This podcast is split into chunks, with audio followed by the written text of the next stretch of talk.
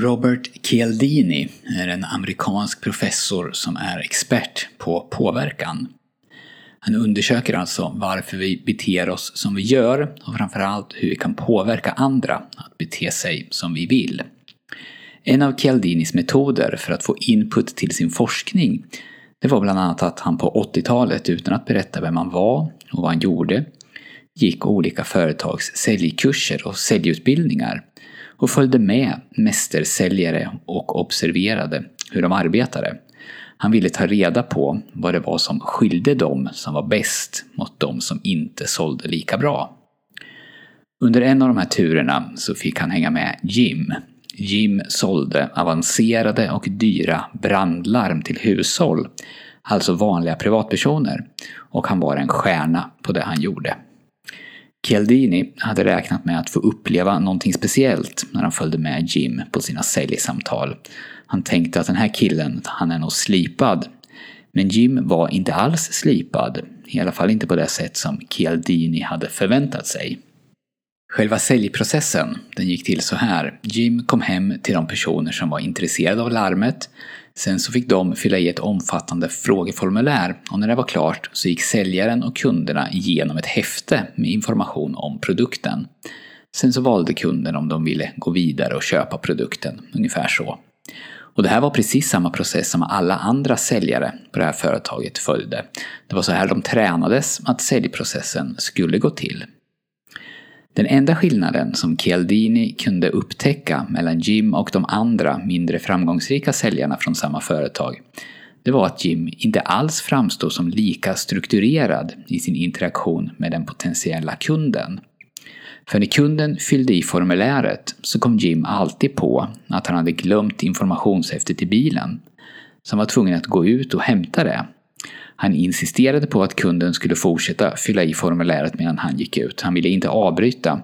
Han visade sig själv ut, hämtade häftet och kom sedan tillbaks utan att störa. Eftersom det här hände varje gång Chialdini var med Jim på kundbesök så förstod han att det måste vara medvetet. Och eftersom det var det enda som Jim gjorde annorlunda jämfört med de andra säljarna så förstod Chialdini också att det nog var viktigt. Han kunde inte bara se på vilket sätt. Så till slut så kände han sig tvungen att fråga Jim. Varför glömmer du alltid informationshäftet i bilen? Vad är det som är så speciellt med att göra det? Välkommen till Monkey Mindset. Jag hoppas att du haft och fortfarande har en fantastisk sommar.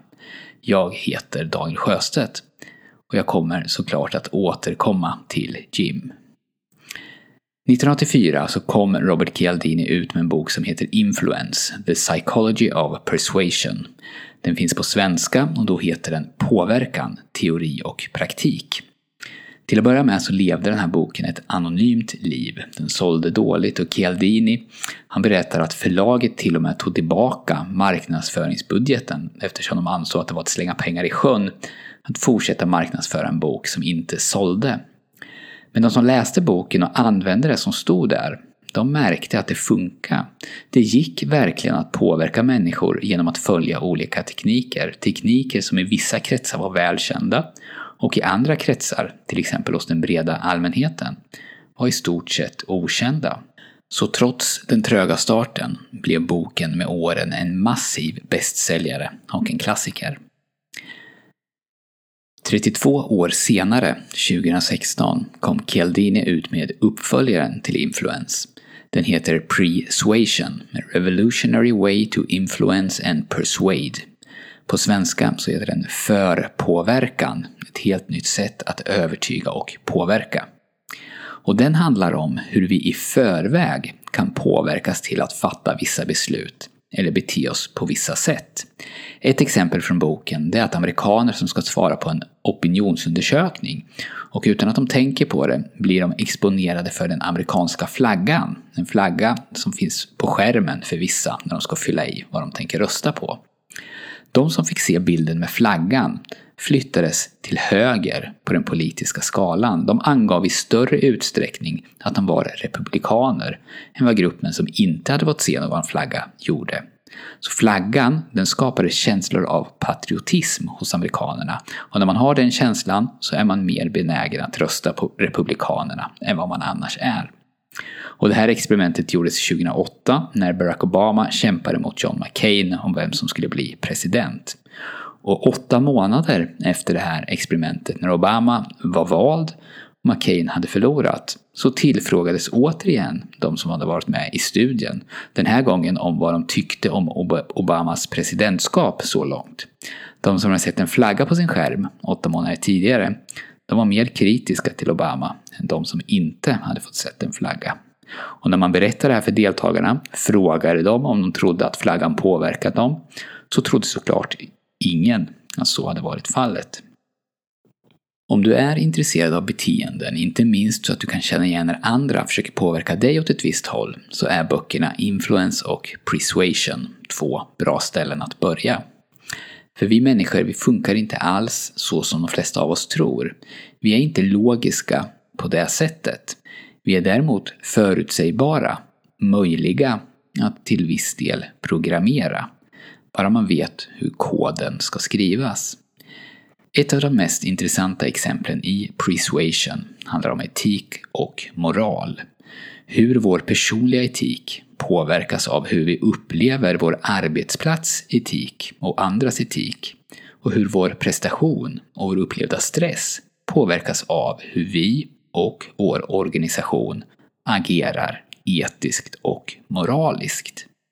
En av Chialdinis utgångspunkter i den här studien var de stora kostnader som förknippas med att anställda byter jobb. Alltså när någon som jobbar hos oss lämnar och vi behöver rekrytera någon ny och lära upp den personen. Han ville se om det fanns någonting som kunde minska personalomsättningen.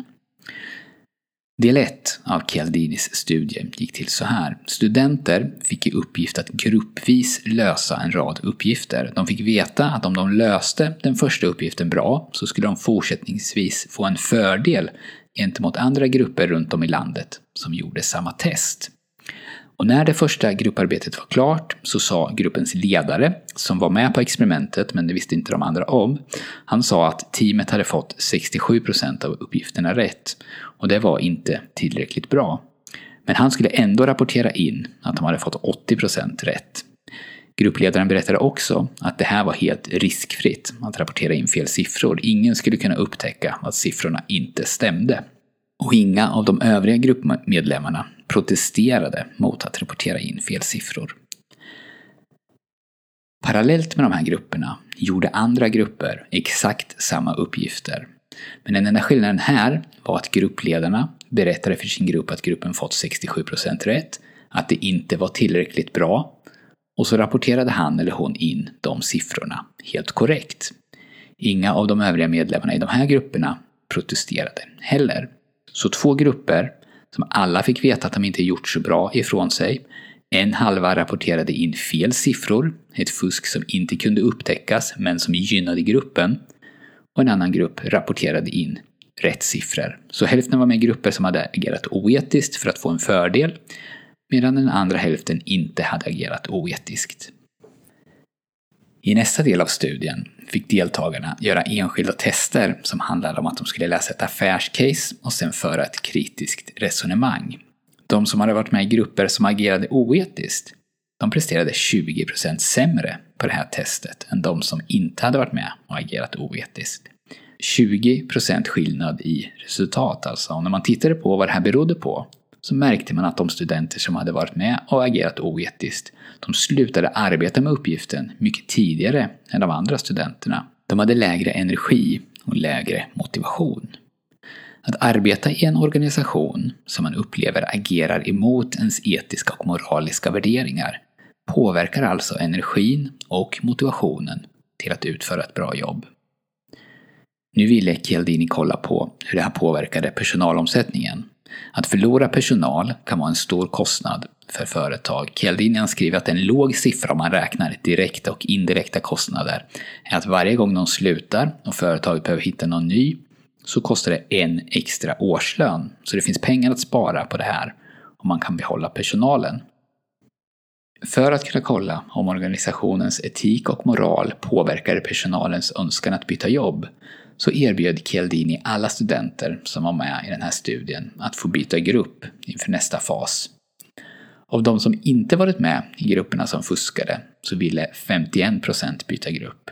Av de som varit med i grupperna som fuskade ville 80% byta grupp. Det är 60% fler. Sista saken som Chialdini ville kolla på, det var om det fanns någon skillnad på vilka som valde att stanna och vilka som valde att lämna. Så han arrangerade ett tredje test. Den här gången skulle studenterna agera enskilt och om de fick ett bra resultat så kunde de vinna ett pris. Så de tävlade mot varandra. Innan uppgiften skulle lösas arrangerade forskarteamet det så att varje student av misstag kunde få syn på lösningen på uppgiften. Det här var, ett, det här var riggat på ett sätt att studenten förstod att ingen skulle få reda på om han eller hon valde att tjuvtitta på svaret. Och forskarna de kunde inte heller se exakt vilka som valde att fuska och vilka som valde att inte fuska, men eftersom den här uppgiften var ett etablerat test så visste man vilka resultat man kunde förvänta sig. Bland de som varit med i den ärliga gruppen från början och valt att stanna i sin grupp så fanns det inget fusk att tala om. Knappt någon i den gruppen valde att fuska trots att det inte var möjligt att åka fast. De två grupperna som hade valt att lämna sina grupper, de visade upp lite fusk, men inte särskilt mycket. Det spelar ingen roll vilken grupp de hade varit med i från början, den fuskande eller den ärliga, utan de här grupperna fuskade lika mycket, eller lika lite. Men bland de som varit med i den fuskande gruppen från början och sen valt att stanna, så fuskades det 77% mer än i snittet hos de övriga. De valde alltså i mycket högre utsträckning att skaffa sig fördelar på andras bekostnad genom fusk. Så kontentan av det här är att det kostar att agera oärligt. Ett oärligt beteende hos mig driver oärliga beteenden hos andra. Ett oärligt beteende hos mig innebär att mina anställda presterar sämre.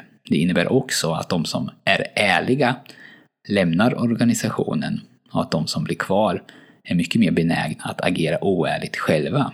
Inte bara mot kunder eller konkurrenter, utan även mot sin egen organisation. Det blir en lose, lose, lose. Sämre prestation hos medarbetarna, de som är bra lämnar och de som vill blåsa mig blir kvar. Och samtidigt som Chialdini gjorde den här studien på studenter så kollade han sina siffror mot verkligheten. Genom databaser och enkäter kunde han se hur de här resultaten han kom fram till inte bara bekräftades av verkligheten utan att Chialdinis resultat snarare var underdrivna. I verkligheten så var det ännu värre. Han fann också att ju mer oetisk en arbetsgivare rankades, desto mer stress upplevde personalen. Så att agera etiskt och moraliskt enligt sina värderingar i alla sammanhang, det behöver inte vara på en arbetsplats, det kan ju lika gärna vara i ett idrottslag eller i en familj, driver ett beteende om god prestation. Det skapar mindre stress och det gör gruppen mer lojal, både mot varandra och mot organisationen. Win, win, win. Stjärnsäljaren Jim, som jag pratade om i början, han ville till att börja med inte berätta för Robert Chialdini varför han låtsades glömma informationshäftet i bilen och var tvungen att gå ut och hämta det medan hans potentiella kunder fyllde i frågeformuläret. Han undvek frågan och försökte prata bort den. Men Chialdini, nyfiken forskare som han var, gav inte upp. Han fortsatte att fråga. Och till slut så valde Jim att svara. Tänk lite, Bob. Vem är det som du låter gå in och ut ur ditt hus utan att du följer dem till dörren? Vem låter du bara släppa in sig själv och kliva på utan att du ens går och öppnar? Jo, bara de du litar på förstås. Familjen och nära vänner. Så genom att konstruera en situation där Jim på ett naturligt sätt betedde sig på samma sätt som någon som kunden litade blint på, så placerade kunden även Jim där i sitt sinne. Helt omedvetet förstås. Eftersom jag behandlar honom som någon jag litar på så måste det betyda att jag litar på honom. Och vem vill man helst göra affärer med? Såklart, någon man litar på. Möjligen ett tveksamt agerande av Jim, men ändå en liten detalj som gjorde stor skillnad och svårt, i alla fall för mig, att inte imponeras över kreativiteten. Det där var allt för den här gången. Om du vill så får du gärna prenumerera på mitt nyhetsbrev och det gör du genom att gå till monkeymindset.se. Och när du gör det så får du också tillgång till allt mitt gratismaterial, bland annat ljudfiler och instruktioner för att komma igång med mental träning. Då och då så får du också mail om mental träning, produktivitet, beteenden eller annat som jag vill dela med mig av. Inget av det här kostar något och du kan avprenumerera precis när du vill. Ta hand om dig så hoppas jag att vi hörs igen nästa vecka.